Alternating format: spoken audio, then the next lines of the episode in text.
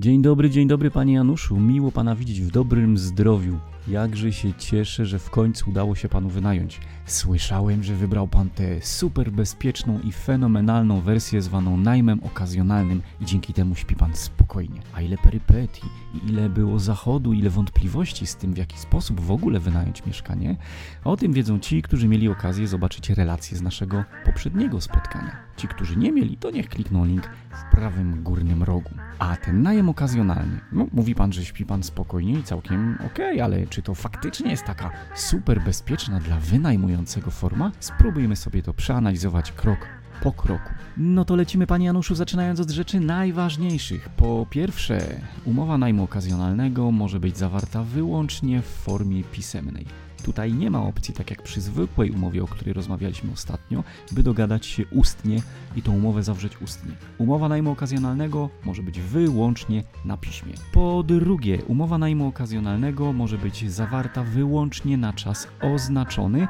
I po trzecie, ten czas oznaczony nie może być dłuższy niż 10 lat. I rzecz ostatnia, ta umowa, umowa najmu okazjonalnego, może być wykorzystywana wyłącznie przez osoby fizyczne nie prowadzące działalności gospodarczej związanej z wynajmem mieszkań. Czyli gdyby pan Janusz był przedsiębiorcą i zajmował się najmem na przykład długoterminowym i to byłaby podstawa jego działalności, to wówczas może zapomnieć o najmie okazjonalnym. Nie ma takiej opcji Motyla noga, panie Januszu, tak słucham, słucham i w przeciągu ostatnich 30 sekund chyba 7 razy padło słowo wyłącznie. No i żeby się jeszcze trochę powymądrzać, to dołożę kolejne wyłącznie. Taka umowa, umowa najmu okazjonalnego będzie umową najmu okazjonalnego wyłącznie, jeżeli zostanie zgłoszona przez pana, przez wynajmującego do urzędu skarbowego. Do urzędu skarbowego, uwaga, właściwego dla pana miejsca zamieszkania, a nie miejsca zamieszkania najemcy albo miejsca, gdzie zlokalizowany jest lokal. Do urzędu skarbowego, w którym krótko mówiąc pan rozlicza podatki. I płynnie idziemy do kolejnego wyłącznie. Taka umowa najmu okazjonalnego będzie umową najmu okazjonalnego wyłącznie, jeżeli w tym urzędzie skarbowym zgłosi pan ją w terminie 14 dni od momentu rozpoczęcia najmu. To ważne, od momentu rozpoczęcia najmu. Dość powszechnie, ale błędnie myśli się, że na zgłoszenie tej umowy do skarbówki jest 14 dni od momentu jej podpisania. A to nieprawda. 14 dni od momentu rozpoczęcia najmu. I co to oznacza w praktyce? To oznacza, że jeżeli pan, panie Januszu, podpisze taką umowę w dniu 1 stycznia i tam jak byk stoi, że ona wchodzi w życie od 1 lutego, to ma pan czas na zgłoszenie jej do skarbówki 14 dni od dnia 1 lutego. I jest oczywiście jeszcze jedno wyłącznie. Potrzebujemy do tej umowy dwóch, a czasem trzech załączników i wyłącznie kompletna umowa wraz z tymi załącznikami zgłoszona do Urzędu Skarbowego gwarantuje nam, że będzie to pełną gębą umowa najmu okazjonalnego. No a jakież to załączniki? Trochę znowu będzie języka prawniczego. Numer jeden to w formie aktu notarialnego oświadczenie najemcy, w którym poddaje się egzekucji, zobowiązuje się do opróżnienia i wydania lokalu w terminie wskazanym w odpowiednim żądaniu. Numer dwa to oświadczenie najemcy, w którym wskazuje inny lokal, w którym będzie mógł zamieszkać w przypadku, gdyby doszło do tej egzekucji, na którą się niejako zgadza, składając oświadczenie numer jeden.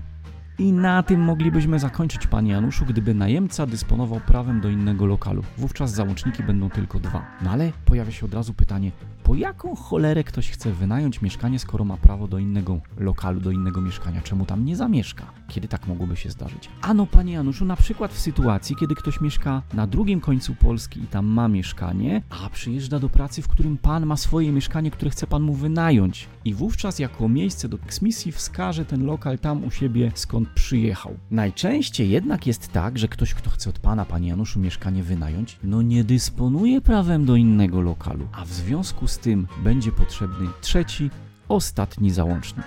A zatem numer 3 to będzie oświadczenie właściciela tego lokalu, który w drugim oświadczeniu wskazał najemca jako inny lokal, do którego można przeprowadzić eksmisję, że po prostu zgadza się na przyjęcie tego najemcy i osób z nim mieszkających, gdyby do tej eksmisji doszło. Ważne jeszcze, panie Januszu, by przy okazji tego ostatniego oświadczenia pamiętać o jednej rzeczy. Ta zgoda właściciela innego lokalu na to, że pod swój dach przyjmie pana najemcę, gdyby przyszło coś nie tak, może być złożona z podpisem potwierdzonym notarialnie.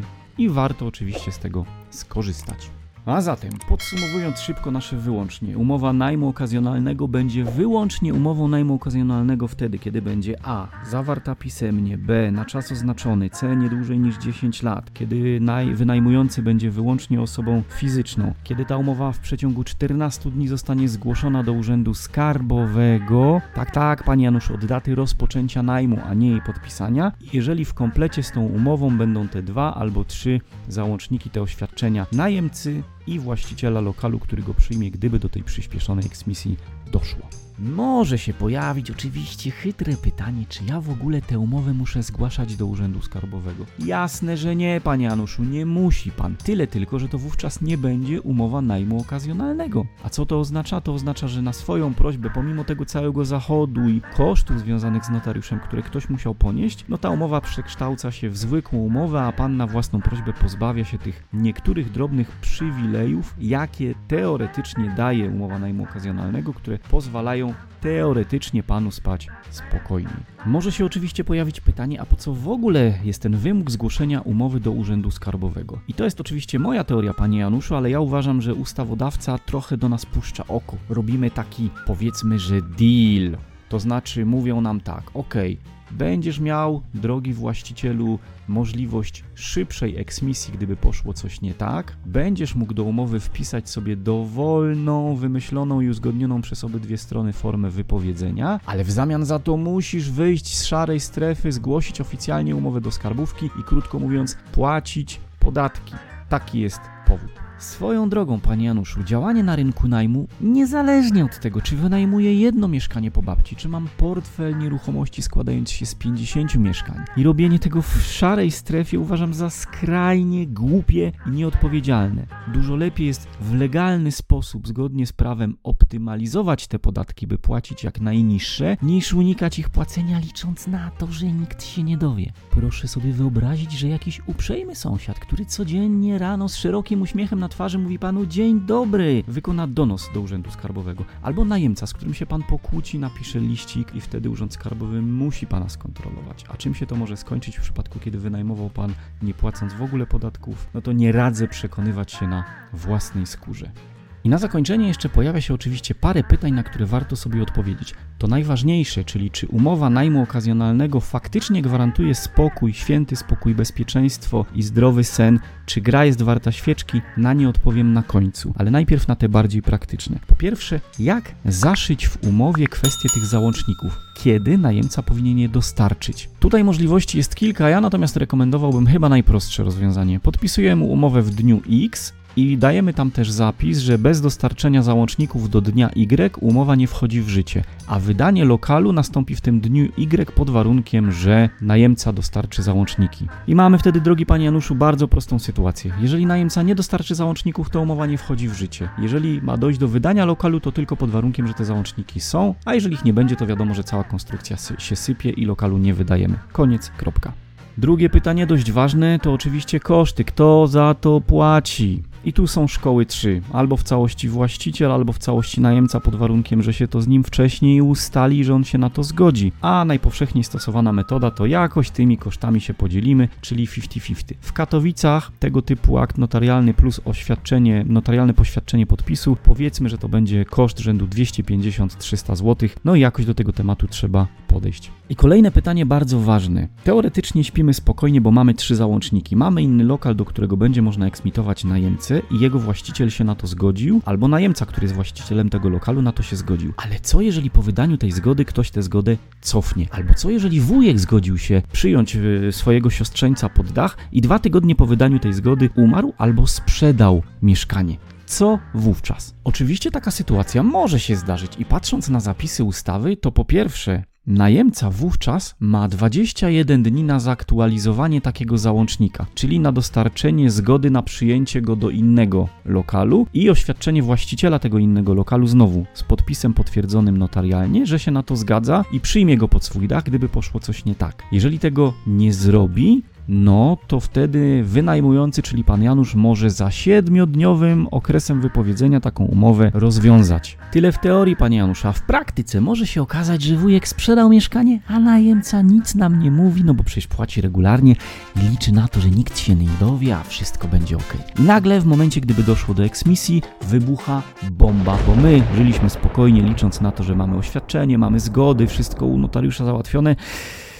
Tylko, że nie ma, drogi panie Januszu, tego lokalu, bo zmienił się na przykład jego właściciel. Oczywiście, panie Januszu, rynek nie znosi próżni i już pojawiają się pierwsze firmy, które oferują oczywiście za odpowiednią opłatą, że mają lokal i zgadzają się do niego przyjąć najemcę w przypadku eksmisji z pana lokalu. To one dostarczają te dwa oświadczenia, czyli to wskazujące lokal, do którego najemca może być eksmitowany i zgodę właściciela lokalu na jego przyjęcie. Zawsze się można zastanowić, czy właśnie z takiej opcji nie skorzystać. No i na koniec zbliżamy się do fundamentalnego pytania, a mianowicie, panie Januszu, czy umowa najmu okazjonalnego jest dla pana gwarancją zdrowego, spokojnego snu? Warto przede wszystkim zacząć od powodów, dla których podpisujemy umowę najmu okazjonalnego, czyli jakie są dodatkowe korzyści z takiej akurat formy najmu. Pierwszy, mniej ważny powód będzie taki, że możemy, jeżeli strony się na to zgadzają, to wpisać w tę umowę dowolny, oczywiście z podaniem powodu, okres wypowiedzenia.